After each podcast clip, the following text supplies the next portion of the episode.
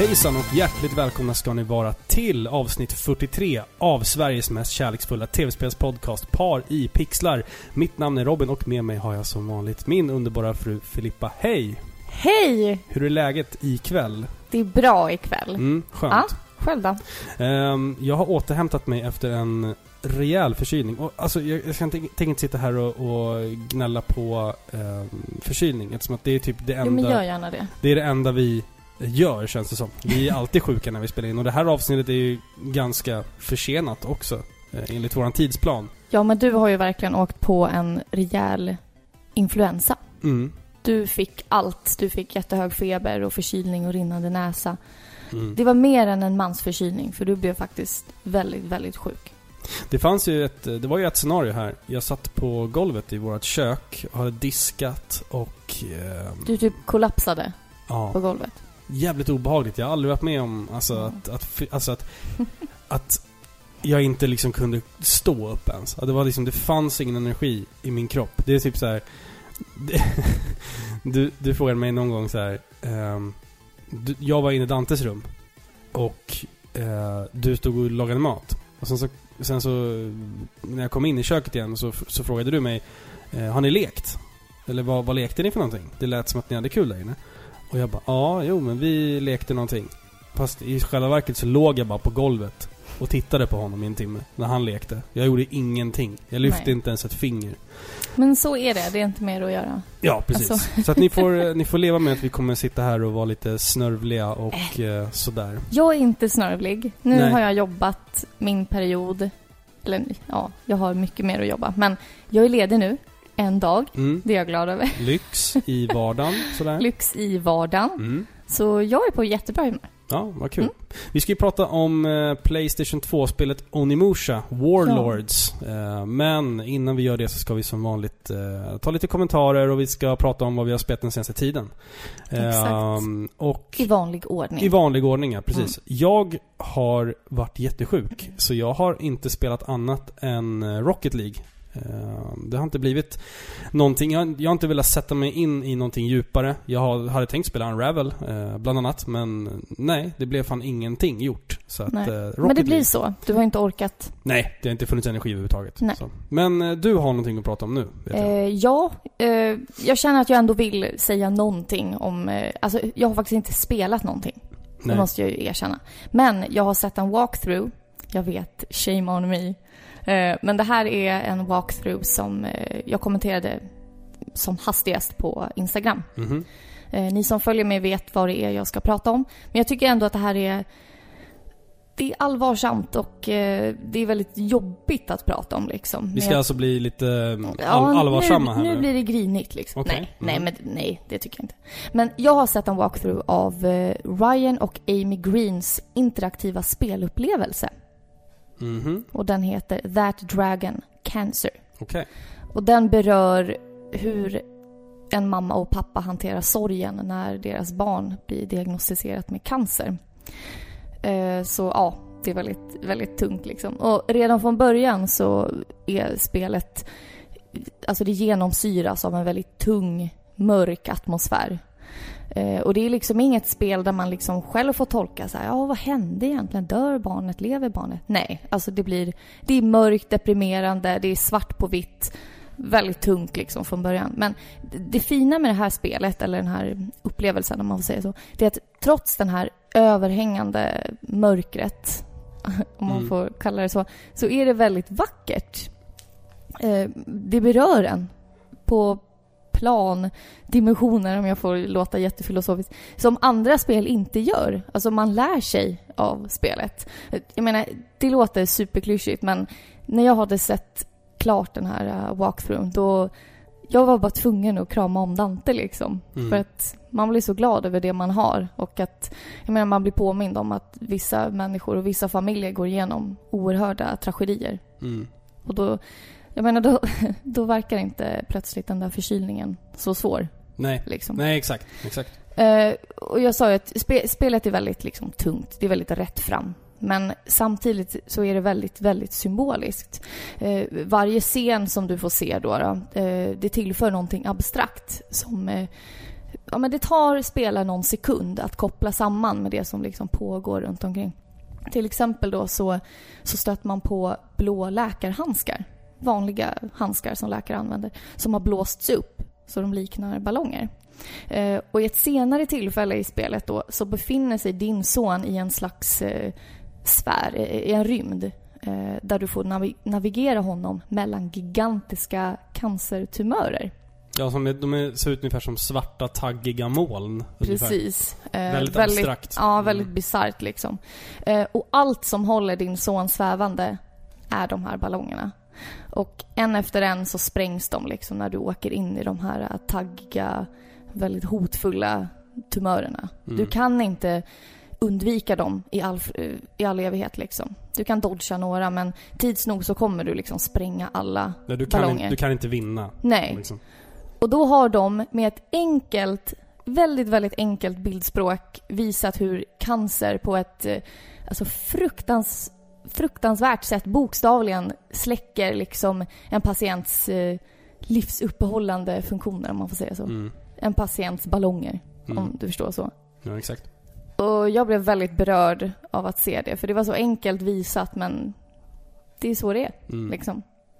Och det, det, finns vissa religiösa element i det här spelet också. Eh, mamman och pappan tror på en gud. Men jag upplevde aldrig det som ett hinder. Jag känner inte att jag blir påprackad. Det är ingen predikan liksom. Utan det är mer bara att man får uppleva en annan sida i deras liv. Mm, exakt. exakt. Så ja, men absolut. Har ni en och en halv timme i era liv, en vardag, titta på det här då. Ja, eller spelar. Det finns ju på, ja. på PC. Precis, det finns inte på Playstation Network eller Xbox. Det finns bara på PC. PC och uh, Android... Nej, vad heter ja, det? något sånt också. Ja, precis. Uh, nej, men alltså jag har ju sett... Jag har inte sett hela den här. Jag har ju sett delar utav den. Den var otroligt tung att se. Uh, då jag på väldigt nära håll har bevittnat hur, alltså hur cancer kan bryta ner en ung människa och eh, alltså sen förstöra allt. Eh, och sättet det här spelet eh, målar upp det här på är ungefär som man tänker. Och det, det är ungefär som ett barn tänker också. För jag var själv ganska ung när det här hände och eh, det är ungefär så här man liksom föreställer sig lite som, som ett barn själv liksom. Det är otroligt rörande. Om, om man kan relatera till det så är det otroligt starkt det här. Har man, känner man ingen som har cancer, har man inga barn själv, då förstår jag att man kanske inte liksom kan ta till sig det här lika hårt. Um, men har man som i mitt fall varit, varit väldigt nära det här så uh, blir det mörkt. Ja, absolut. Mm. Det som jag la märke till när man ser det här spelet, det är att i alla olika situationer Alltså det finns ju element där du faktiskt får spela mer mm. än att bara liksom eh, röra huvudet mot olika håll. Utan du får verkligen spela. Ibland ser det ut som ett plattformsspel. Mm. Och ibland blir det Mario Kart. Ja, på, till och med. Eh, och de elementen, då märker man att du kan aldrig vinna.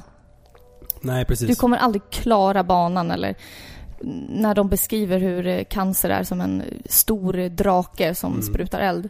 Du kommer aldrig vinna över den draken. Nej. Oavsett hur länge du håller ut. Du kommer dö till slut. För mm. det är så spelet är upplagt. Du mm. ska dö på den. Hörni, allihopa. Fuck cancer. Det är väl... Ja. Det håller vi väl... Det är väl budskapet. Det är väl budskapet och det hoppas jag att vi alla eh, kan hålla med om. Att mm. det är skit bara. Vi ska försöka gå upp i ett... Lighten eh, things up. Precis, gå upp i ett durackord här istället för att bara spela i moll. Vi har fått en massa fina kommentarer. Eh, och jag tänkte börja läsa en ifrån Johan Grinde. Han skrev Hej på er. Just nu sitter jag och väntar på mitt första barn. Och då börjar jag fundera på hur ni gör för att ha tid med både barn och spel. Har ni några tips till en blivande förälder? Sen vill jag tacka för den fantastiska tolkningen av Sailor Moon-introt. Det var grymt. Ja, tack så jättemycket för... Tack så jättemycket. Eh, det här, den här Sailor Moon-introt eh, som vi spelade själva här. Det, det är en den, vattendelare. Det är en vattendelare. Vissa hatar det, vissa älskar det. Men det är kul att det finns folk som, som tyckte, tyckte att det var lite kul i alla fall. um, till din fråga. Just nu sitter jag och väntar på mitt första barn. Grattis får vi väl börja med att säga. Ja, grattis! Fy vad roligt. Ja, det är... Barn är ju någonting alltså barn och spel är ju någonting som vi liksom brukar komma in på i, i våran podcast eftersom att vi har barn själva och vi, vi ställde oss också väldigt frågande till det här liksom hur, hur ska det här påverka vårat um, spelande när man får barn och sådär? Men absolut, hur, men framförallt om jag säger så, hur ställer man sig till att ens barn kommer spela i framtiden? Alltså så här, man, man börjar mer tänka på typ våld i spel. Mm, ja, man, ja, man börjar se på spel på ett annat sätt. Mm, Men alltså, man går igenom så många perioder som en gamer, om man säger så. mm, Vissa tider spelar du jättemycket, vissa tider spelar du inte så mycket. Det är bara att acceptera. Man kan ju inte prioritera spelen framför sina barn. nej, nej, Alltså du kommer bli en förälder nu. Du kommer framförallt behövas som en pappa. Och det är det du ska lägga din tid på. De första månaderna är stressiga och hektiska och man försöker anpassa sig till ett helt nytt liv med ett eh, nytt barn i familjen. En helt ny liten individ som ska ta plats, liksom. Mm. Eh, det får vara kaos. Det måste vara det. Man kan liksom inte komma hem första dagen efter BB och bara ja men jag brukar ju alltid spela tre timmar Last of Us. Nu ska jag göra det. Mm. Det går ju inte. Nej, inte riktigt. Men snart börjar pusselbitarna falla på plats och man liksom... Ja, Alltså så, så fort... man får eh, det att funka. jag det blir så. no- några så här enkla tips. Det är liksom att eh, spela så mycket du kan fram till att ni ska åka på eh, åka in och föda. För att sen blir det inte så mycket spel på ett tag. Sen när ni märker att, eh, att eh, eran son eller dotter börjar få liksom rutin, sovrutiner eh, och sådär. Och jag kan säga så här också. När de här barnen nu tar sina tupplurar mitt på dagen så tycker jag att föräldrarna också eh, ska ta en tupplur mitt på istället för att sätta sig och spela. För att den här energin du får av att vila, den, den är ovärderlig. Och, eh, men som sagt, när ni börjar få lite rutin eh, och sådär, då kan man ju liksom, då, då vet man ju ungefär hur det kommer bli. Då kan man säga, ja men ikväll kanske jag spelar en timme om, om allt går som det ska liksom. Och sen, liksom våran son, han är två år nu. Vi har, han lägger sig åtta prick och sen somnar han som en stock. Och då vet vi att fem över åtta så kan vi spela, eller spela in podcast eller nu vad vi väljer att göra.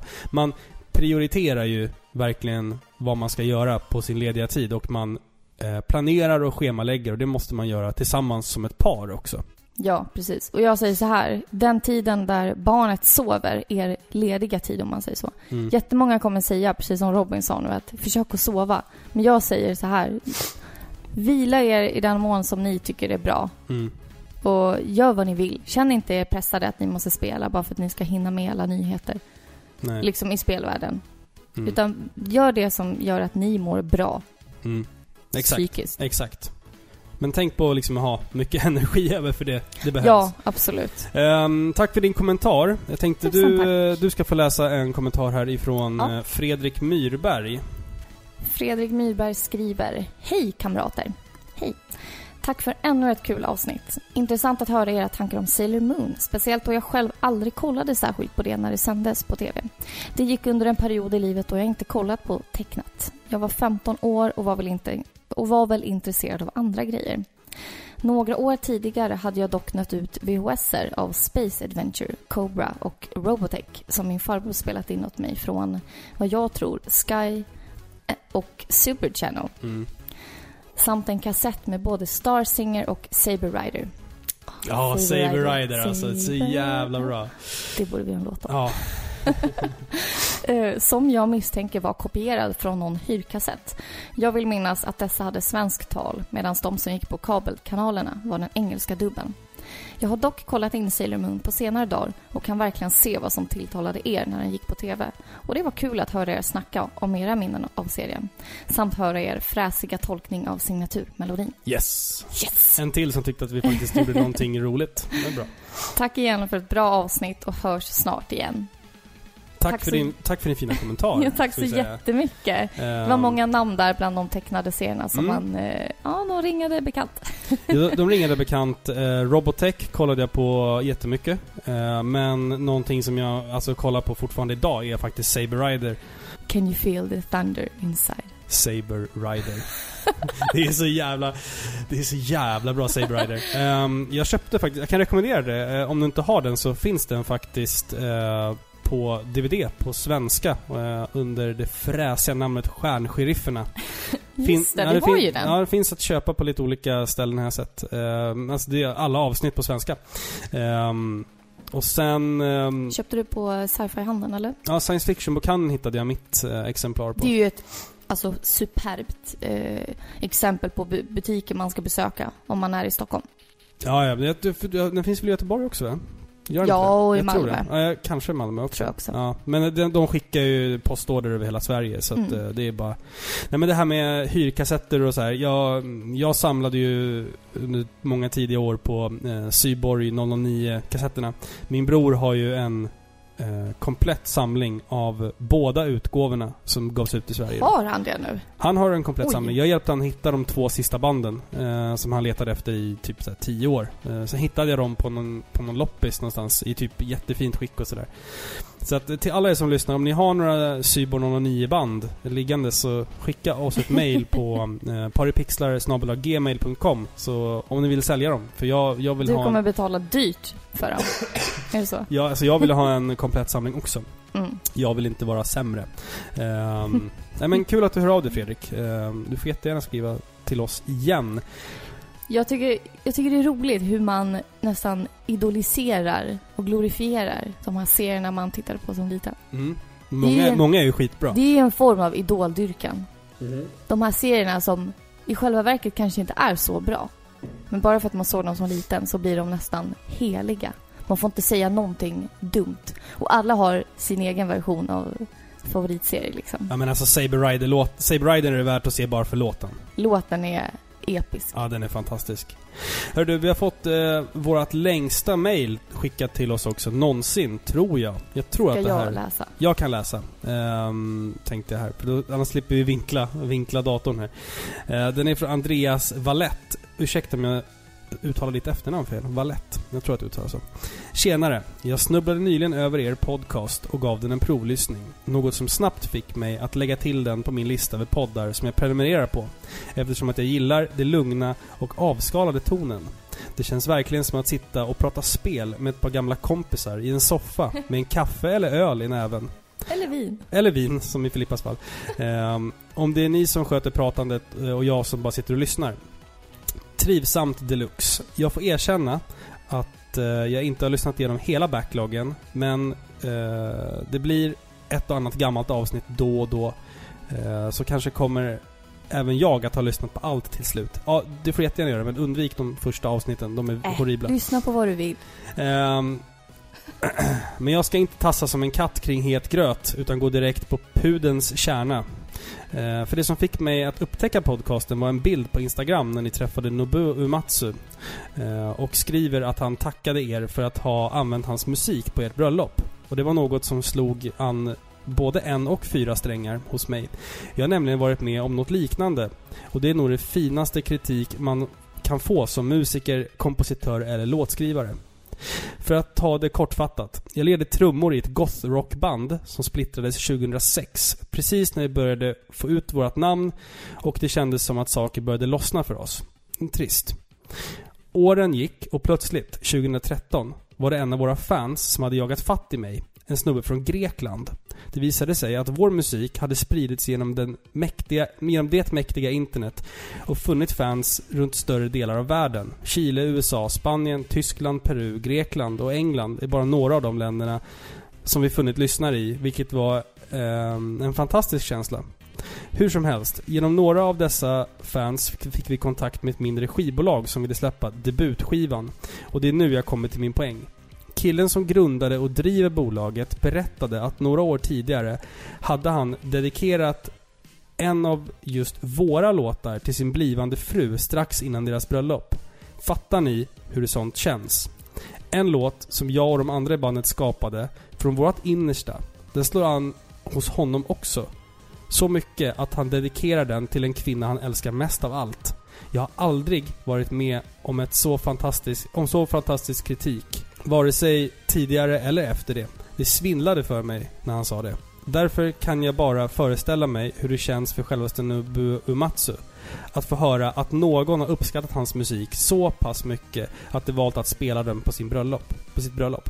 Visst, han är en framgångsrik kompos- kompositör och lovprisad till höger och vänster, men jag kan ändå sätta mina kalsonger på att han blev rörd av att ni berättade det. Jag har i alla fall svårt att tänka mig ett finare utlåtande än det och jag tror att ni båda två, i egenskap av musiker, kan hålla med. Bandet verkar för övrigt återuppstå. Vi kunde inte hålla oss när det ramlade in spelförfrågningar från större delar av Europa. Nåväl. Det här blev ju bra mycket längre än vad jag trodde och hade tänkt. Och jag har ändå inte tagit upp min andra punkt eh, jag tänkte prata om. Commodore 64. Denna fantastiska lilla gråa låda som var min inkörsport i gamingvärlden på 80-talet. Vilka fantastiska äventyr jag haft eh, med den. Flyger stridsflygplan över Fujiöarna under andra världskriget i 1942. Vintersportat på olympisk nivå i Winter Games.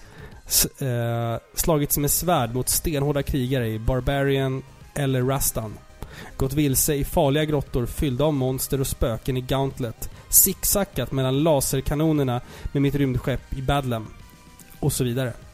Men, av någon anledning har de gamla maskinerna hamnat utanför i spelsamlingarna. Jag har sett otaliga spelsamlarvideos med mina medörebroare, gaminggrannar, där det går igenom folks skatter eller åker på mässor och gatherings, men den gamla C64 får aldrig vara med tyvärr. Finns det verkligen ingen samlare där ute som har en C64-del i sin samling? Det hade också varit fantastiskt att få höra lite gammal fin C64-musik i podden.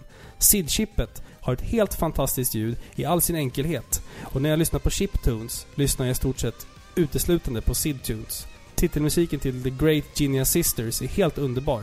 Har för övrigt den som ringsignal på min mobil.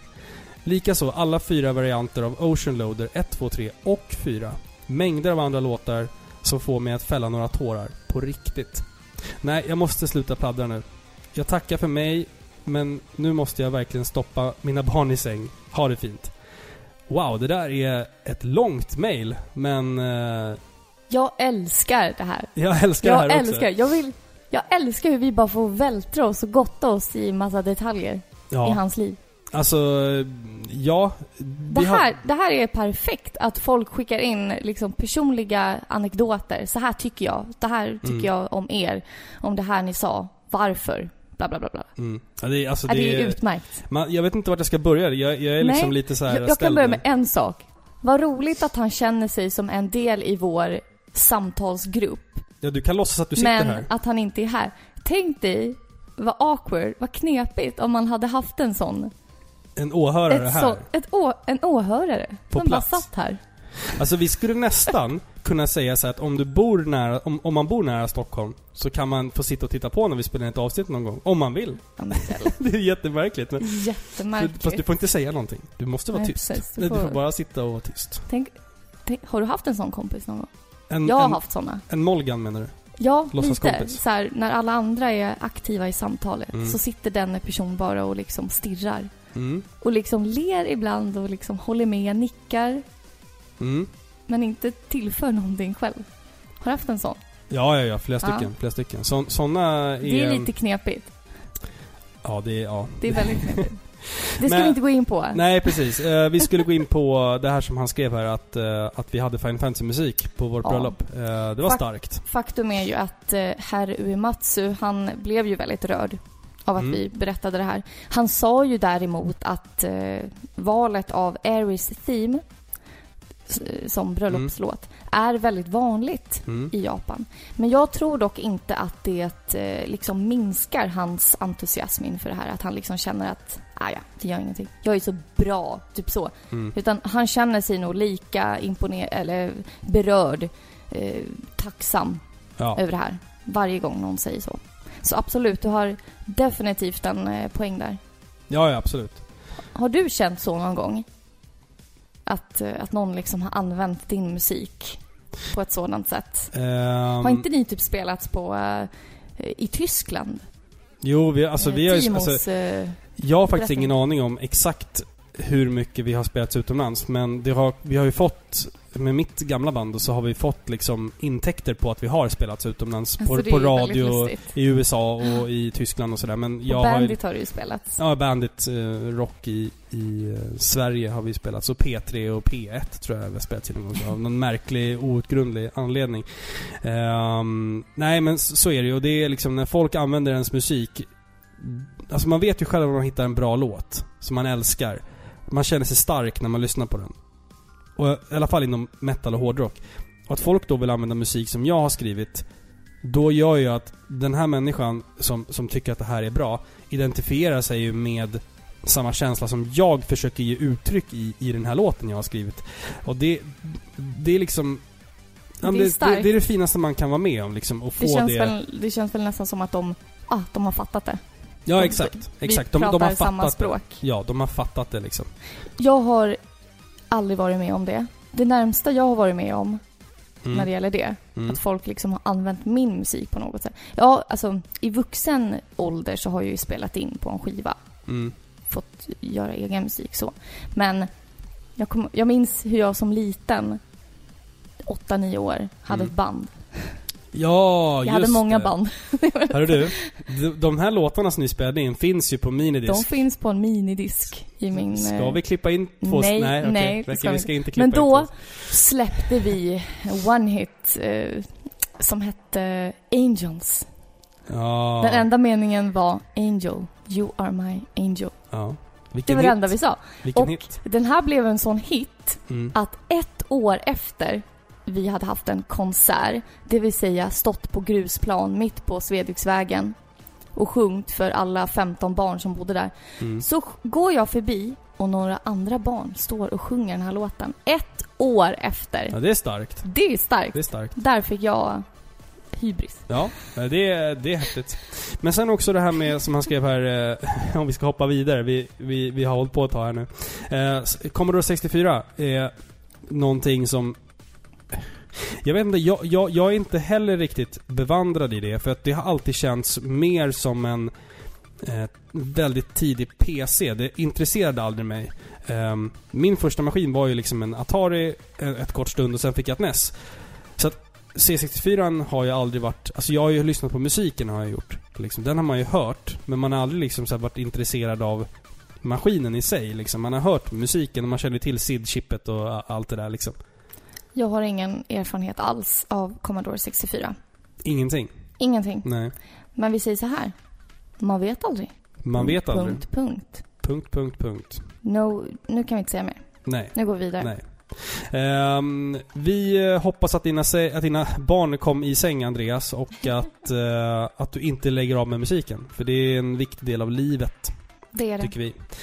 Ehm, ja, alltså jag känner mig ganska redo för att eh, börja prata om uh, samurajer och uh, samurai-zombies och, och Oni. oni och andra konstiga Yokai. japanska uttryck. Det tycker jag också. Ja. Vi ska lyssna på Kaides theme ifrån uh, Onimusha Warlords. Sen ska vi prata om spelet. Ja. Spännande.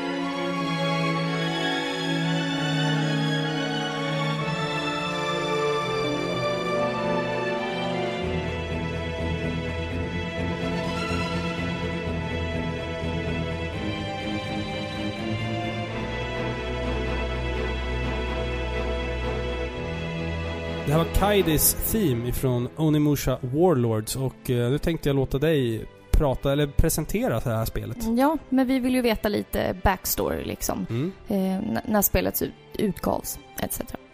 Eh, Onimusha är titeln av det här spelet och det betyder Oni Warrior. Där Oni betyder demon. Det är en slags demon i japansk eh, mytologi om man säger så. Mm.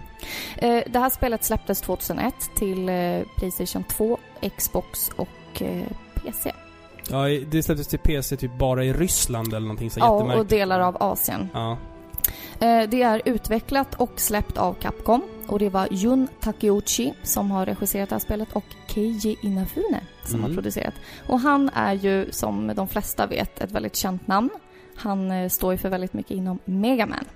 ja, han är väl en alltså, nyckelfigur inom Capcom. Precis, jag känner så här. Eller vi, var. Vi ska var. inte säga för mycket, för sist vi pratade om det då fick vi slag på fingrarna för att vi hade faktafel Ja, av den exakt. eviga ledaren. Mm. Så vi säger så här, han har gjort någonting Han har- inom Mega Man. Han är inblandad, han har ett finger med i spelet i Mega Man i alla fall. Han steg någonstans in på kontoret, någon gång i historien. Ja. Mer säger vi inte. Han gjorde någonting med Ja. Mega Man i alla fall, så att Ja. Mega Man blev bra. Ja. Eh, 2002 så släpptes även en uppdaterad version till Xbox och den fick då namnet Genma Unimusha. Eh, och det här är ett actionäventyr i tredjepersons eh, perspektiv. Eh, och det liknar faktiskt på väldigt många sätt de första Resident Evil-spelen. För det här är ett spel med tankkontroll. Det är förrenderade bakgrunder. Eh, det har ett lite survival horror-tema. Eh, och det finns även väldigt många pussel. Och du har även möjlighet att uppgradera vapen och rustning och din magi. Mm. Men berätta lite, vad handlar det här spelet om? Ja, alltså det här spelet utspelar sig på 1500-talet eh, i Japan. Och eh, om man kan sin historia så vet man att eh, Japan under den här tiden var uppdelat i liksom olika regioner. Eh, det var ju under eh, krigsherrarnas eh, era, eh, under Shogun-eran. Alltså Shogun-eran sträcker sig från 1192 till 1886. Så det här är liksom någonstans eh, i mitten av hela den här eh, Shogun-eran eh, i, i Japans historia. För att det här spelet är ju alltså typ historiskt korrekt. Man har liksom gjort en, en what if situation. Ungefär som de här eh, alla de här nazistfilmerna med att nazisterna inte blev ut... Alltså typ, tänk typ Wolfenstein, liksom. Eller man ska kalla det för. Uh, I alla fall, år 1561 faller en av dessa stora krigsherrar vid namn Oda Nobunaga. Uh, ett år senare uh, så får svärdmästaren Hidemitsu Samanosuke Akeichi ett brev från sin kusin, prinsessan Yuki. Hon skriver detta brev i oro. Oro över att eh, slottets, där hon bor, eh, betjänter och tjänstefolk har eh, på ett mystiskt sätt börjat försvinna. Eller helt gått upp i rök, typ. Så att Samanosike beslutar sig för att kontakta sin vapendragare Kaidi. Och de båda två ger sig av till prinsessa Yukis slott. Och då visar det sig då att det är demonklanen Genma som ligger bakom dessa försvinnanden. Och deras mål är nu att eh, hitta prinsessan Yuki. Eh, Genma-klanen eh, har också återupplivat den här fallna krigsherren eh, Nobunaga och hans soldater som nu odöda måste slåss eh, och hitta prinsessan Yuki. Eh, men man eh, märker, Samanosuke märker tidigt att han har ingen chans mot de här monsterna och demonerna. Eh, så att eh, han får hjälp av en annan demonklan vid namn Oni-klanen. Eh, så han får då som en, en, en gauntlet där han, som, som hjälper honom i strid och, och stärker hans eh, förmågor. Därav namnet Oni Musha. Onimusha. Han precis. tar hjälp av klanen, eller demonklanen Oni. Ja, exakt. Och det är liksom handlingen. Så det är alltså en, en fiktiv eh, berättelse fast som typ äger rum i actual history in Japan. Och det är samurajer och det är så jävla coolt. Jag älskar samurajer.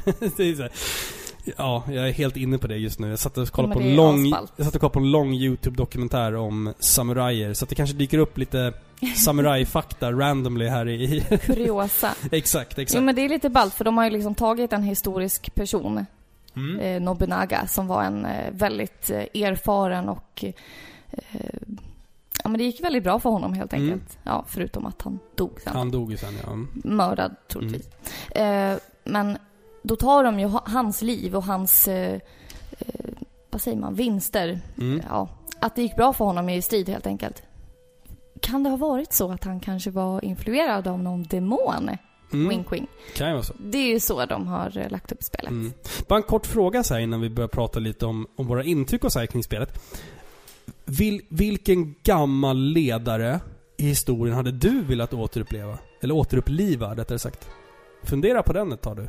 Stor ledare. En stor ledare som du skulle vilja återuppliva här. Varför? Vad är motivet? Nej, bara för skojs skull. Bara för skojs skull? Ja. Okej, det, det finns vi- vilka motiv som helst alltså. Ja men han ska, du, du får återuppliva vem du vill och sen så har du hans armé till ditt befogande. Om motivet är att jag ska ha dennes armé till Mm. mitt förfogande, Mm. då hade jag nog återupplivat Genghis, eh, Genghis khan. Mm. Han, var, han var en tuff krigare. Ja, under folkvandringstiden så var ju han en av de främsta erövrarna. Mm. Han var ju uppe i Europa. Det är Ja. därför många europeer har indoeuropeiskt ursprung och föds med till exempel mongolfläck. Ja. Knepig gubbe det där. Han, han, eh, han var ute på många långa resor.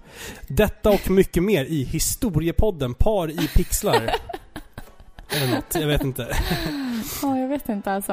Eh, Men du, det som Ja. slog mig när vi började prata och kolla upp det här spelet liksom. mm. Det, var att det, var inte, det är inte så känt. Nej, Alltså, alltså... det är inte alla som känner till det här spelet. Men vi har ju ändå fått lite kommentarer Mm. och folk som har liksom eh, starka åsikter kring det här spelet. Ja, jag, jag tror att det beror också på att det här är en väldigt eh, tidig titel eh, till Playstation 2. Så att det- det, det var nog Precis. häftigt som fan när det kom. Och sen så Exakt. har folk liksom glömt bort det. Ehm, vi har fått eh, en kommentar ifrån eh, Dead Andy. Ja, precis. Vi har ju en kommentar på Instagram eh, från Dead Andy. Och han skriver att Onimusha-serien tillhör mina favoriter av spel, trots att jag aldrig klarat av någon del. Och nu går rykten att Capcom ska återuppliva serien igen, vilket vi får hålla tummarna för. Sam Samonosuke, eh, ska det nog stå där, Mm. är en cool karaktär och det borde finnas fler spel om det gamla Japan, typ Tenchu med mera. Tack för en fin podd, trots snedsteget med Sailor Moon. Obs! Ironi. Rock on. Ja, vet du vad? Tusen tack för din kommentar. Mm. Och bara för det här så har vi förberett en alldeles egen låt bara till dig. Är du med? En, två, tre, fyra. Nej, vi skojar ju Ja, vi bara. Vi, skojar ska bara inte med sjunga något mer för dig. Nej, det blir ingen mer sång. Förlåt. Nej, men... ehm, vad heter det? Vad kul att du tyckte om Onimusha i alla fall. Mm, det finns ju inte så mycket spel nu för tiden med ninjor och samurajer och sånt. Eh, det var populär förr i tiden och eh, Tenshu, eh, som han skriver om här, är också ett jävligt coolt eh, ninja-spel. Fast det, man, måste, man måste ju se skillnad på ninjor och samurajer. Eh, men eh, spel som utspelar sig i det eh, feodala Japan eh, behöver vi fler av nu för tiden, känner jag. Absolut. Och sen har vi en kommentar från Jonas Olofsson. Han skriver, var det inte en av dem Sean Reno var med i? Måste ha varit en av de första spelen. Sportspel och det där stripphockey-spelet i Commodore, eller vad det var undantaget, som skulle efterlikna en kändis. Jo, det stämmer. Sean Mm. Reno är faktiskt med i det tredje spelet. Ja, det, är- det tredje Onimusha-spelet, eh, då åker du ju i tiden och grejer. Och då är Sean Renault med och typ spelar så här, typ sig själv. Ja, Väldigt, väldigt bisarrt. Vi kanske kommer till Onimusha 3 någon gång, men inte den här gången. Inte den här gången. Nej. Men även i det här spelet, det första, Onimusha Warlords, Mm. så har vi ju en sån här kändis med. Mm. Samonosuke spelas ju av Takeshi Kaneshiro. Bra skådespelare. Väldigt bra skådespelare. Japansk eh, slash kines. Ja, han är... Jag vet inte, han är både och. Han prat, pratar flytande både i alla fall, så jag vet Ja. inte riktigt. Men han är till exempel med i House of Flying Daggers, Ja, en han, kinesisk film. han är med i The Returner, Precis, som är en väldigt bra japansk actionfilm. Kan jag tipsa om. precis. Ehm, ja, och sen har vi fått en sista kommentar från Mats Holmqvist. Han skriver Började spela det i onsdags. Det är alltså för några dagar sedan. Eh, väldigt stel kontroll, men snygga cutscenes. Det enda spelet jag har kvar sedan min första PS2. Vilken tur att du eh, sparade det här spelet. Det tycker jag också. Mm. Mm. För eh, ja, vi ska ju prata om det nu. Ja, det är lustigt. Vi har diskuterat lite det här spelet på min eh, Instagram. Mm. Och vi har diskuterat kontrollerna och jag gav honom lite tips. Mm. Jag, Ja. jag hoppas att jag hjälpte dig. Mm. Vi kommer komma till kontrollerna om en stund. Ehm, vi ska prata lite... Alltså det första som slår en när man startar det här spelet, det är ju att det känns som Resident Evil fast med eh, samurajer. För att du, du är en samuraj som slåss emot samuraj-zombies. Det är typ Precis. mitt första intryck liksom. Ja, samma här. Det här, är, det här spelet fångade verkligen min uppmärksamhet för det har samma skräckbetoning som ett survival horror-spel. Mm. Exempelvis Resident Evil. Liksom. Ja. Men det du märker ganska snabbt är att du har mer kontroll. Du, du slipper ju leta ammo, ja, exakt. alltså på det sättet. Mm. Du har mer kontroll över din gubbe och eh, det här gör att man inte är lika rädd. Mm. Är det. Exakt. Så exakt. det är mitt första intryck av Mm. spelet. Ett annat intryck som slog mig direkt är att introsekvensen i det här spelet är ju otroligt snyggt animerad för att vara ehm, tidig PS2. Visst, det är en, alltså en, en eh, förrenderad eh, cutscene, men det är ändå så här ganska imponerande motion capture de har gjort. Eh, ganska, alltså det är väldigt, Absolut. väldigt tidigt liksom. Ehm, för att animationerna när, när de, de här samurajerna slåss eh, mot varandra är väldigt imponerande för sin, för sin tid. Alltså det här spelet är ju ändå liksom, vad är det, 15 år gammalt. Ja, absolut. Det är ändå väldigt, snyggt. imponerande. Liksom. Ja. En sak som jag blir väldigt imponerad på om man bara tittar på hur spelet ser ut, Mm. eh, hur karaktärerna ser ut och så. Förutom det faktum att karaktären är väldigt lik skådisen han ska föreställa. Mm. Det är också helt awesome.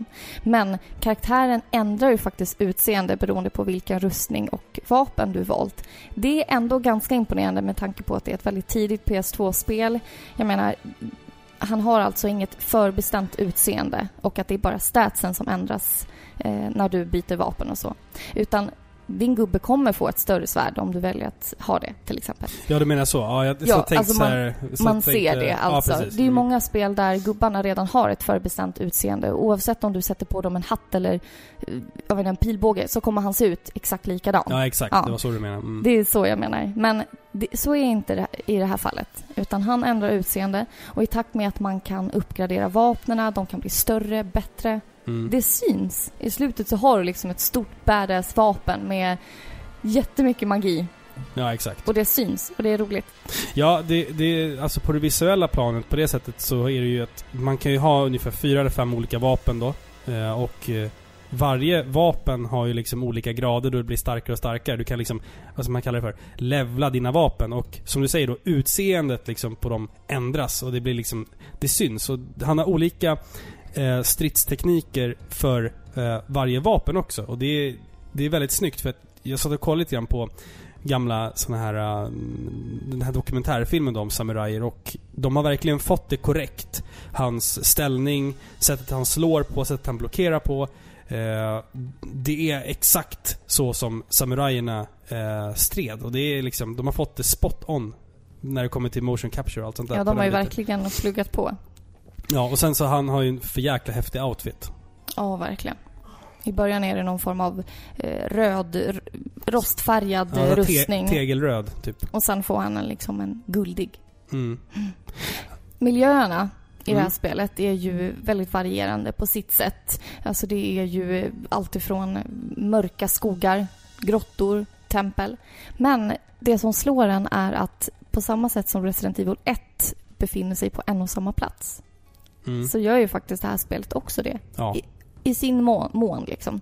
Du befinner dig på en, eh, alltså den här byn då, stället där den här Princess Yuki bor. Mm. Så det är gårdar, olika rum, uppe på taken är du också. Så det känns verkligen som att du har eh, gjort en tidsresa bakåt i tiden.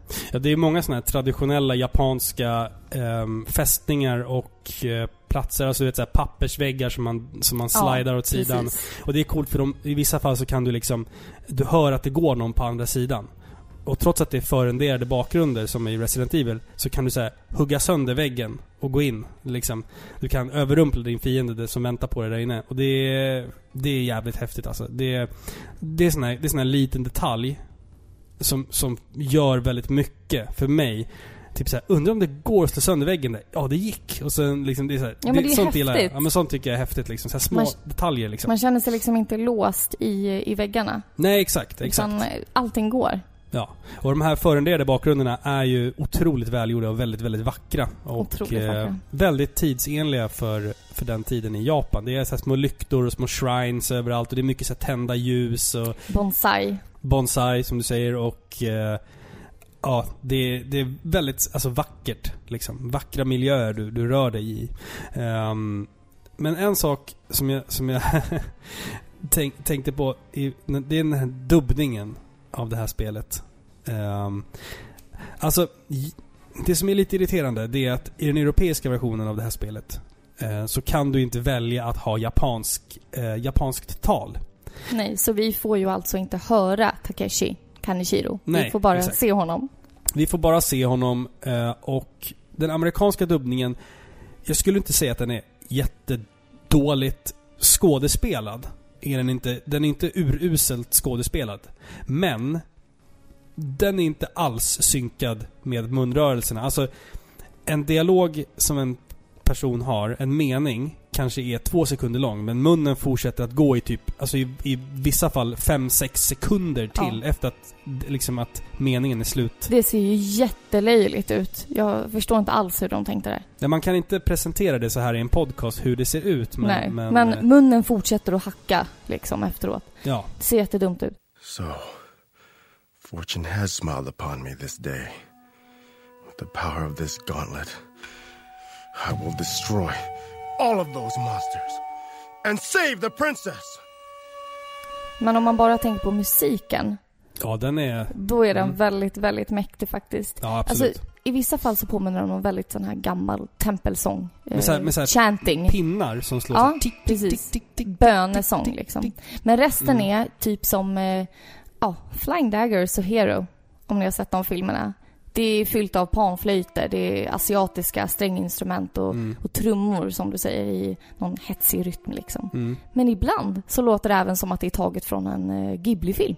Ja, exakt. Så det är väldigt, ja. alltså klassiskt komponerad, episk eh, storhetsmusik liksom. Det finns ju två, tre stycken i det här spelet eh, som är liksom är full orkester. Alltså där det verkligen blir liksom väldigt, väldigt pampigt. Eh, och vi lyssnade tidigare på Kaidis eh, Theme och den är ju ett exempel på hur, alltså hur bred musiken är i det här spelet. Det blandar liksom Hollywood actionfilmsmusik med liksom Kina restaurangsmusik. Eller man Ja, ska säga. jo. Men jag tycker att den är väldigt tidsenlig och det gör att trots de här skräckelementen, för det här är på, på sitt sätt ett skräckspel. Mm. Och trots det då så blir det ändå att man, eh, man, man finner någon slags ro när man Mm. hör den här musiken.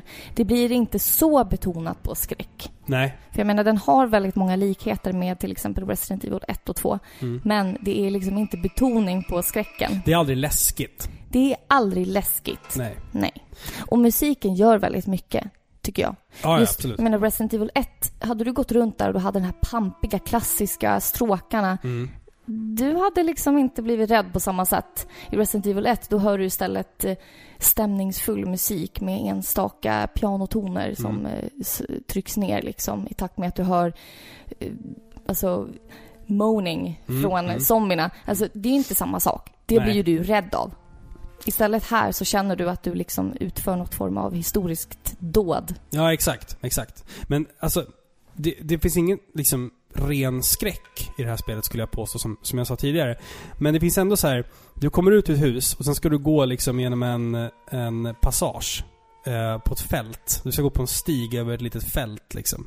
Och sen hör du att någonting väntar på dig där borta. Någon, någon demon av något slag, liksom någon zombie eller Ja, då är det någonting. lite läskigt. Men musiken tystnar och du hör bara så här vinden som blåser. Och sen så går du där sakta över det här fältet och så kommer någon jävla liksom eh, zombie demonmonster med knivar flygandes in i bilden från ingenstans och attackerar dig. Och då hoppar man ju till. Alltså det, man hoppar ju till kanske två, tre gånger under det här spelet skulle jag säga.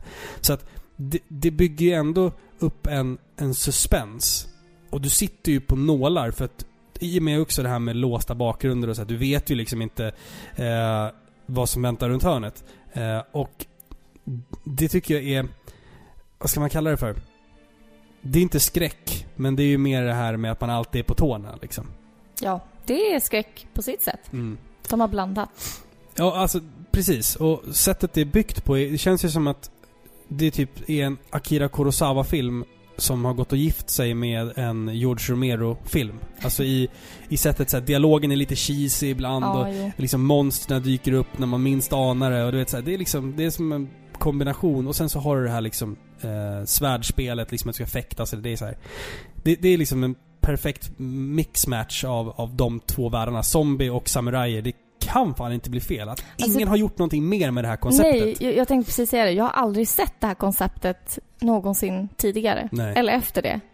Då, alltså, man har, man har, allting man ser med det gamla Japan, det är liksom den här hövligheten, ödmjukheten, Mm. att de har sin heder och det är väldigt vackert, det är väldigt prydligt, organiserat, etc. etc. mm.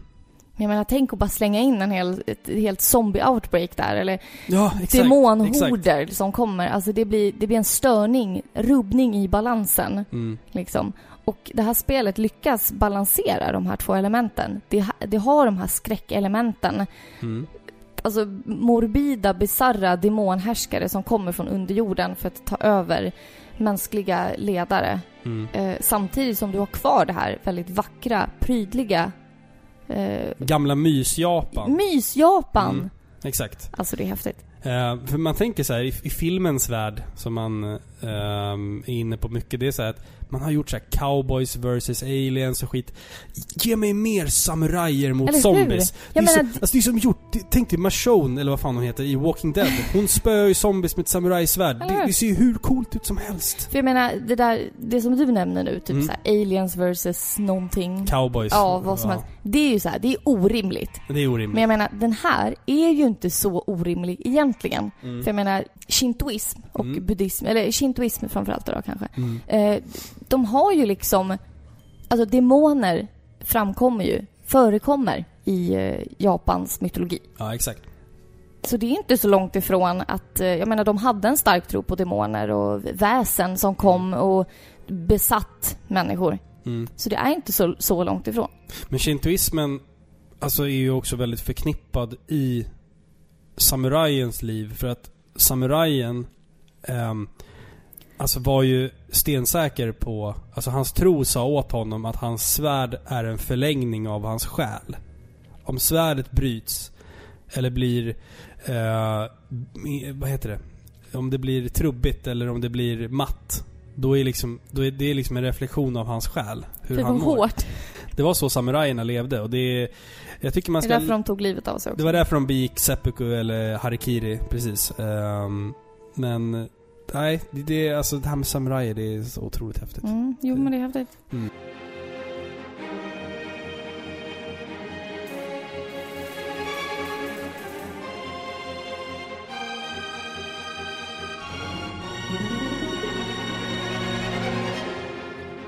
Men om vi bara pratar lite om hur, eh, hur man kontrollerar gubben och så. Mm.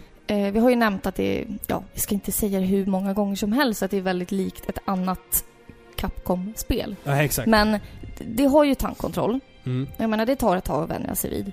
Mm. Men det är ju väldigt mycket lättare än det nämnda spelet. På väldigt många sätt, Mm. skulle jag vilja säga. Mm. Jag menar, Samanowski kan till exempel blocka slag. Och det gör han på en knapp och det gör att han blockar slag från alla håll. Ja, exakt. Så han kan alltså inte, alltså han behöver inte vara riktat mot det håll som slaget kommer ifrån. Nej, exakt. Och när man kommer på det, ja, typ på en gång, då blir det ju helt plötsligt väldigt lätt. Mm. För du kan ju egentligen bara stå där. Det, ja, okej, det finns vissa attacker som du inte kan Bossar, blocka ifrån. bossar har oftast en stark attack som gör att du, de kan bryta igenom ditt defense Ja. och ge dig skada. Men, Men all, alla, alla typ andra- vanliga fiender eh, är du typ osårbar. Om du håller in R1 eller vad, Ja. eh, vad det är. Eller, L1. Men då så blir länge du- osårbar. så länge du håller fokus in, alltså man kan ju fokusera på en fiende. Mm. Då kommer din gubbe, eller Samanowski då, han kommer vända sig automatiskt mot den närmsta fienden. Mm. Och det gör ju att problemet med att eh, fiender plötsligt dyker upp vid låsta vinklar, Mm. som i Resident Evil. Det, det blir inte längre ett problem. Nej, exakt. För att din gubbe kommer alltid vara riktat mot den fienden. Och du behöver liksom inte sikta utan eh, du kan stå där och spamma på slagknappen. Det är det liksom. som gör att det här spelet tenderar till att bli mer ett hack and slash i vissa tillfällen. Exakt. Mm. Och svårigheten ligger ofta mer i eh, timing. Ja, exakt. Du måste fokusera, du måste tajma slagen och lära dig fiendernas mönster. Mm. Kommer de, för det är ju svårt Mm. faktiskt. Mm. Ibland kommer de in och gör någon oväntad rörelse och halva ditt liv är borta. Ja. Och då är det inte så roligt liksom. Så jag skulle inte säga att det här spelet är lätt, men det tillåter en viss form av eh, grinding Mm. som gör att du kan bli bättre. Jag bara säga en sak. Det, det som gör att det blir lite survival horror, det är att eh, när du tar skada, du tar väldigt mycket i skada. Så att varenda hugg mot dig räknas. Du kan liksom inte bara gå in och man, för vissa aspekter, som jag sa, känns det som ett hack and slash. Men man kan inte gå in i det här spelet och tänka att det är det, för då kommer du fucking dö direkt. Ja, Man måste... När du möter en fiende, tips, liksom, första fienden du möter. Håll bara in blockknappen. Lär dig hans mönster. För att han, han kommer inte attackera dig det första han gör. Utan han kommer se fienderna i det här spelet analyserar ju hur du spelar också. De väntar ju på att du ska i första slaget. Så ibland står man bara och blockar. Du, öga mot öga med fienden. Ni bara står och tittar på honom och blockar. För han väntar på att du släpper garden. Vem vågar släppa garden först? Och då handlar det om att man ska ha en... Alltså executive... Um, execution timing heter det. Um, och vara jävligt snabb på slagknappen där. För det är precis så de gamla samurajerna slogs liksom. Det handlade ju mycket, väldigt mycket om timing och inte bara relentless liksom slag. Utan det var ju liksom, det var ju mer en, typ en dans än, än, än liksom bara brutal combat, eller vad man ska kalla det för. vad fint. Ja men det, Fint det är så, det är så. Det är, så, Ehm, det är mer en duell, en ärofull duell Ja, mellan precis. två eh, krigare som respekterar varandra. Och Som det- inte tar liv bara för att. Nej, exakt. Det blir ju liksom som, vem är bäst utav oss på att hantera ett svärd? Och det känns även så, trots att du slåss mot liksom zombies i stråhattar. Så känns det ändå som att de är ändå en värdig motståndare. För en fiende kan ta död på dig om du har, liksom om du suger och har dåligt, om, om du har otur. Eller om du inte är tillräckligt bra, då kan du döda en fiende. Liksom. Eh, men sen du också, du pratade tidigare om eh, det här med eh, låsta vinklar och sådär. I det här spelet är ju det ändå den optimala kontrollen. För jag spelade ehm, det första Devil May Cry eh, häromdagen. Och märkte hur irriterande det är att spela ett spel som har låsta vinklar men med en kontroll som att det vore alltså en ehm, third person. Ja, Ja, man, man, går Precis. liksom, man, by, man går mellan vinkel 1 och vinkel 2 hela gången. För man vet inte när man ska släppa nej. analogstickan. Precis. Neråt i första rutan blir uppåt i andra, så du Ja, bara jo. går fram och tillbaka. Precis, det är det, det är det som gör att tankkontrollen får så mycket oförtjänt skit. För att i ett sånt här spel så är det optimalt att ha. Anser jag i alla fall. Mm. Ja, absolut. Mm. Eh, det här spelet har ju inget eh, levelsystem av din karaktär som många andra, alltså ett klassiskt levelsystem har ju inte. Nej. Men du kan fortfarande grinda, jag nämnde det lite kort innan. Mm. Eh, du samlar orbs av fiender. Själar, eller vad man ska kalla Precis, det Mm. för du har ju fått eh, kraft av den här Oni-klanen som Mm. sagt. Och det gör att du kan samla kraft av eh, de, dina slagna fiender. Mm. Typ orbs som kommer. Och de kan du använda till att uppgradera dina vapen, bland annat. Men även dina magier. Så ibland så träffar du på dörrar som kräver en viss nivå på ditt vapen, till Mm. exempel. Så Exakt. de är låsta tills dess att du har liksom uppgraderat det. Och då måste du grinda. Men det som är bra i det här spelet är att det känns aldrig tungt eller jobbigt, utan det går väldigt fort. Det är väldigt lätt att grinda. Mm. Du går igenom en korridor tre gånger och sen har du nog med orbs för att uppgradera. Ja, exakt. Så det blir väldigt roligt istället. Och det är det som är kul, att om man stö- stöter på en svårighet i det här spelet, då känns det liksom inte hopplöst. För då är det så här, äh, då loadar jag bara. Och sen så går jag tillbaka och spöar lite fiender, levlar upp mina vapen så att varje... Varenda smäll jag gör räknas lite, lite mer. Mm. Det kanske räcker för att få ner den här svåra samurai-zombien du möter i den där gränden till exempel.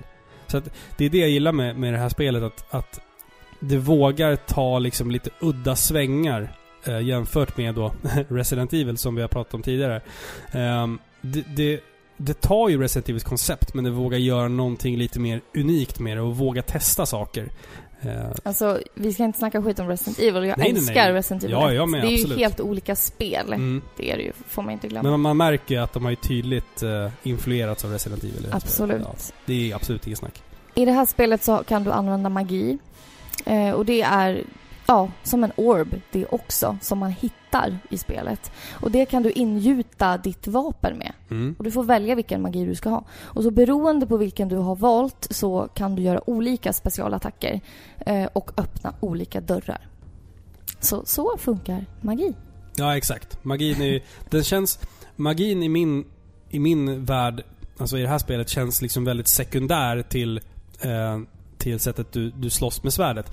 Absolut. Du svärdet blir är ju ingen vik- magiker. Nej, precis. Utan svärdet är ju det, det primära vapnet. Och sen om du vill liksom ge fienden ordentligt på nöten, då avslutar du med en med ett blixtslag eller någon Precis. Eller om fienden liksom. bara blockar hela tiden, då kan du använda en, eh, en magiattack. Ja, precis. Och då bryter du Precis. liksom.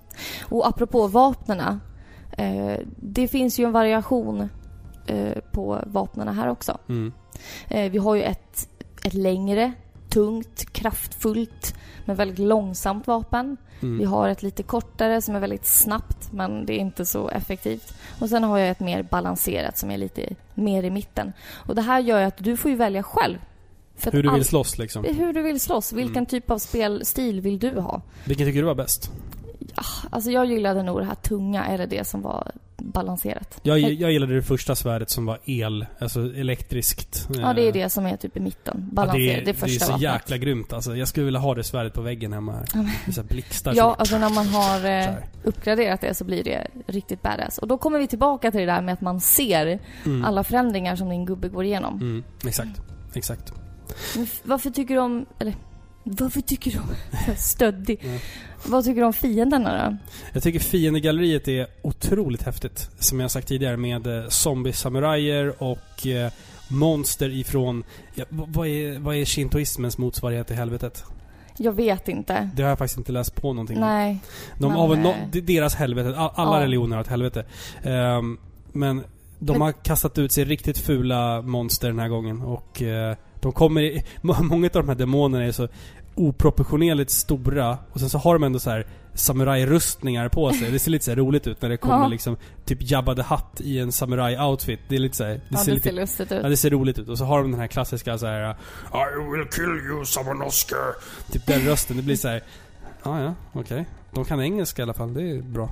Ja, men jag, jag gillade de här fienderna faktiskt. Mm. Eh, Det här galleriet, som du valde att kalla det, det Mm. bidrar också till att det blir lite skräckbetonat. Alltså fine, alla är inte läskiga. Nej. Jag menar, vi har de här odöda soldaterna med stråhattar. Mm. Som, la du märke till det? Slår man på dem, då ramlar hattarna av. Ja. Det tycker jag var lite gulligt. Tappa hatten. Ja, tappa hatten. Roligt. Eh, till stora, jättegigantiska skelett med jättestora svärd. Typ. Mm. Men har du tänkt på hur bossarna ser ut? De är ju lite mer gotiska. Ja, typ det är bisarra. lite gigeraktiga typ. på Jag tänker mig eh, Xenobites från Clive Barkers eh, Hellraiser. Explorers in the further regions of experience. Demons to some, angels to others. Det är nästan som att man ser att de har liksom torterats, lemlästats, lem, lemlästats. Förstår du vad jag menar? Ja, jag ser vad du menar. Det Mm. finns en väldig likhet där. Men i alla fall en av fienderna, eller en av bossarna i Lite spelet såhär med... Sado. Ja, exakt, exakt. Ehm, den mest minnesvärda bossfighten för mig tycker jag är ganska tidigt i spelet när du slåss mot en, en, en spöksamuraj på ett tak. Eh, och eh, om, när ni slåss så flyger de här takpannorna av taket när ni slåss, när ni gör så här starka attacker. Då ser man såna här takpannor så här flyga av. Snygg scen med Ja, det månskenet i bakgrunden. Ja det, ja, det är så otroligt snyggt. Och Det sen så står där och blockar och sen så måste du liksom tvärt strifa åt sidan och sen för att snabbt försöka hugga han i, i, i rebenen på sidan så här, Eller i ryggen. Det, det, det, ja, det, ja, bo- Bossfighten är ju liksom då måste du liksom lära dig blockera, strifa, attackera. Blockera, strifa, attackera. Ja, det det är ju det- bara strategi. Det är bara strategi liksom. Och läsa dina fiender hela tiden. Men absolut, det är ingen utmaning. Alltså på det sättet. Nej. Tycker jag inte. Det här spelet ska du ju spela. Nu hoppar jag framåt i tiden här. Men det här spelet är ju bra för omgivningarna och känslan som du får av att spela det här spelet. Inte för att det är en direkt utmaning. Nej, Du det, njuter nej, ju av att se omgivningarna. Mm. Vem har inte velat slåss på tak? Ja, precis. Ja, men det är häftigt. Eh, och jag skulle väl alltså vilja rekommendera det här. Eh, det, det är lite av en gömd pärla. Eh, det ryktas ju som sagt om att Capcom håller på att återuppliva den här serien. Eh, efter mycket om och men. Det visste inte jag. Jag ser Vad häftigt. jättemycket fram emot en HD-version av de första tre spelen. För det finns ju, jag vet inte hur många spel det finns. Jag tror det finns fem spel i den här Jag serien. Fem eller sex. vet faktiskt inte. Eh, De första tre skulle jag säga är värda att spela faktiskt. Men som sagt, gillar man liksom Resident Evil och vill prova på lite, lite mer... Alltså, vad ska man kalla det? Resident Evil med, med, med samurajer, helt enkelt. Och Absolut. gillar man Resident Evil så kommer man gilla det här. Eh, Jag tycker absolut att man ska, om man har möjlighet, eh, köpa det här spelet. Det är absolut inte dyrt. Nej, nej men jag håller med. Absolut. Mm. Jag är inte klar.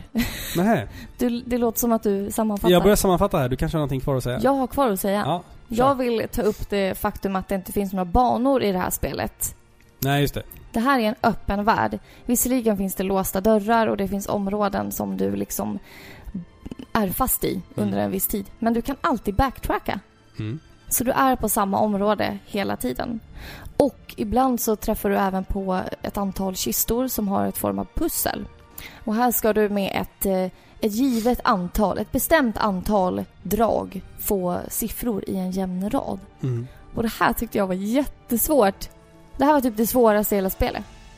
Eller så är jag jättedum. Jag tycker verkligen att de pusslerna var jätteenkla. Nej, tyckte Jo, du inte alls det? det tyckte Eftersom vi satt och tittade upp svaret. Vi satt och tittade upp svaret för att jag inte hade tid att sitta att, och liksom försöka. Men alltså, Vad är okej. det för någon ursäkt? vi säger så här. Jag Tip- hade inte tid. Tipset, eh, det är att försöka få en siffra rätt för då brukar de andra hamna rätt också. Alltså det är så här, det är ganska, ganska enkelt system om man sätter sig ner och tittar ordentligt. Men jag var mer så här: okej jag vill bara få det här gjort nu. Jag vill, jag vill liksom uppleva spelet. De här pusslen har jag löst förut. Jag kollar upp en, en walkthrough på de här pusslerna. Jaha, okej. jag. Mm. Fine. Det tyckte Va- inte jag i alla Nej, fall. Jag tyckte att de här var ganska svåra och det är tidspress. Ja. Mm. Jag tycker du ska summera dina intryck nu. Vad tycker du om Onimusha Warlords? Jag tycker att det här är ett spel som... Eh, ja... Vad tycker jag om det här spelet? jag känner mig inte färdig. Jag känner mig färdig. Ja, vi har på, i, jag, jag vi har hållit på i en timme och tio Jag, jag minuter. har massor av saker kvar att säga. Mm. Nej men absolut. Tycker jag att man ska spela det här spelet? Ja, det Mm. tycker jag. Jag vet inte riktigt mer vad jag ska säga. Det är, det är inte jättebra röstskådespel. Samanosuke. De betonar jättekonstigt. Men eh, Ja. Jo, de, de försöker i alla fall. de försöker. De försöker i alla fall. Det här spelet är ett spel där du... Eh, gillar du survival horror-spel, där du får vara lite on edge hela tiden, då ska du definitivt spela det här. Du har kontroll i det här spelet. Du kan eh, kötta so, eh, zombie-soldater. Mm. Alltså, Demoner. när du har lärt dig att bemästra blockknappen så Precis. absolut. Då kommer Ja. du kunna kötta järnet. Och Mm. det är en sån tillfredsställande känsla att Jag bara gå älskar- runt och eh, känna att man har kontroll över det här. Det där ljudet när man slår en zombie. Det är det här klassiska anime-ljudet av ett samurajsvärd som träffar någonting. Mm. Så här. Ja. Ja, jag vet inte, jag ska kunna liksom Jo men absolut. Det ljudet är så jäkla tillfredsställande. Man bara, svärd mot kött. Det ljudet är, sånt, Ja men fy. det är så ja. jäkla okej. skönt tryck i det ljudet. Ja, ja jo, fine. Ja, Mm. okej. Eh, det här spelet känns som en uh, gömd juvel.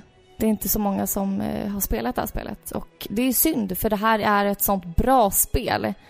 Eh, den har på ett sånt balanserat och perfekt sätt blandat riktig historia Mm. och gjort det intressant. Ja, exakt. Det är en historielektion. Det är en historielektion för det Mm. finns så många tillfällen där du hittar lite berättelser och små lappar där du kan liksom fördjupa dig mer i vad som händer i bakgrunden liksom. Och det kanske inte alltid är nödvändigt men du finner dig själv där i soffan och lusläser de här lapparna. Ja. För det är så intressant. Det är en historia i shintoism också. Ja, men det mycket. blir ju det. Buddhism. Och jag menar, då har ju ett spel verkligen gjort rätt. Man vill inte sätta sig och bara få en bok kastad i ansiktet på sig. Nej, men det, exakt. det får du inte här, utan du får små, små korn av historia Mm. för att liksom fylla i de här luckorna. Vem är Nobunaga liksom? Mm. Och det får du veta. Ja, det är häftigt. Jag tycker det här spelet är... Ja, vad, vad ska vi säga nu? Nu ska vi se. Ska vi undvika det, låna det eller köpa det? Mm, just det. Jag tycker man ska köpa det. Jag tycker också man ska köpa det. Mm. Absolut. Mm. Det här spelet förtjänar mer cred. Lite mer ljus.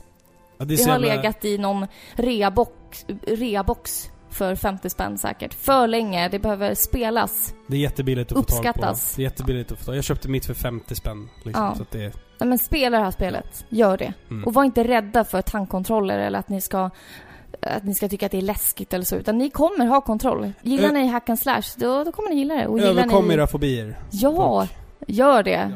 Bra spel. Hörru, ska vi börja runda av nu? Nu har vi fått allting sagt. Okej då. Men, Men, stort I- men. till nästa avsnitt så Ja. ska vi utforska ehm, nya vatten. Ska vi det verkligen? Nya, ny, ja, vi ska utforska Precis. nya platser. Det här är ett område som varken jag eller Robin har särskilt stor erfarenhet inom. Och det är jag villig att erkänna. Och Mm. jag vill att det ska vara öppet från början att varken jag eller Robin hade den här konsolen. Nej. Det här vet vi ingenting om. Nej. Och det blir istället väldigt nytt, väldigt roligt och vi kommer vara mer beroende av era, alltså lyssnarnas kommentarer, Ja. anekdoter. Vad har ni för Relation. relationer till historia. den här Mm. konsolen? Och vi kommer då... Det blir en musikspecial. Mm. Mm. Men vi kommer då liksom snabbt dra igenom vad det är för någon typ av konsol och gärna då läsa upp era åsikter om den. Ska vi säga vilken, kom, vilken konsol det är? Nej, nej jag skojar. Klart. Vi ska köra musikspecial Commodore 64. Ja, där fick du Ehm, den. Ja. Eh, Och det var bara för att vi fitt det här eh, roliga tipset eh, av Andreas här. Så att vi... Ja, det var så fint. Så vi vi, köper bara, det. ja men vi köper det. Så att, har ni några favoritlåtar till, till Commodore 64 så kom gärna med era tips och som du sa, historier, kommentarer, anekdoter, allting. För vi kan ingenting knappt om det här. Nej. Så det ska bli skitkul. Ni behöver ju inte skicka ett långt mail om eh, all info om, eh, alltså bara kopiera Wikipedia-artikeln. Nej. För det Nej, kommer nej, vi nej. säkert Ja, själva det, göra. Det kommer vi säkert själva göra, ja precis. Hörni, eh, tack så jävla mycket för att ni har lyssnat. Vi, ni betyder jättemycket för oss och vi hoppas för, eh, från djupet av vårt hjärta att ni fortsätter lyssna på Paripixlar. Ja, det hoppas vi. Ni är Och- bäst. Vi hoppas också att ni går in på videospelsklubben.se och köper en snygg Paripixlar t-shirt. Ja. Eller en mugg eller Fy vad någonting. kul! Ja. Och om ni gör det, och om ni känner er eh, speciellt fancy, Mm. ta en bild. ja, lägg upp på... Och vart som tagga eller någonting. Mm. Ja, Ni kan, skitkul. eh, ni kan mejla oss på paripixlar.gmail.com eh, Annars finns vi som vanligt på videospelsklubben.se Acast, iTunes eh, We're everywhere. Vi är överallt, det är bara att googla oss. Vi finns på Instagram, vi finns på Facebook Googla Paripixlar, ni hittar oss. Jag lovar. Det är inte Ja. svårt. Nej. Ni är så fina. Puss. Puss och kram på er hörni. Puss. Hej!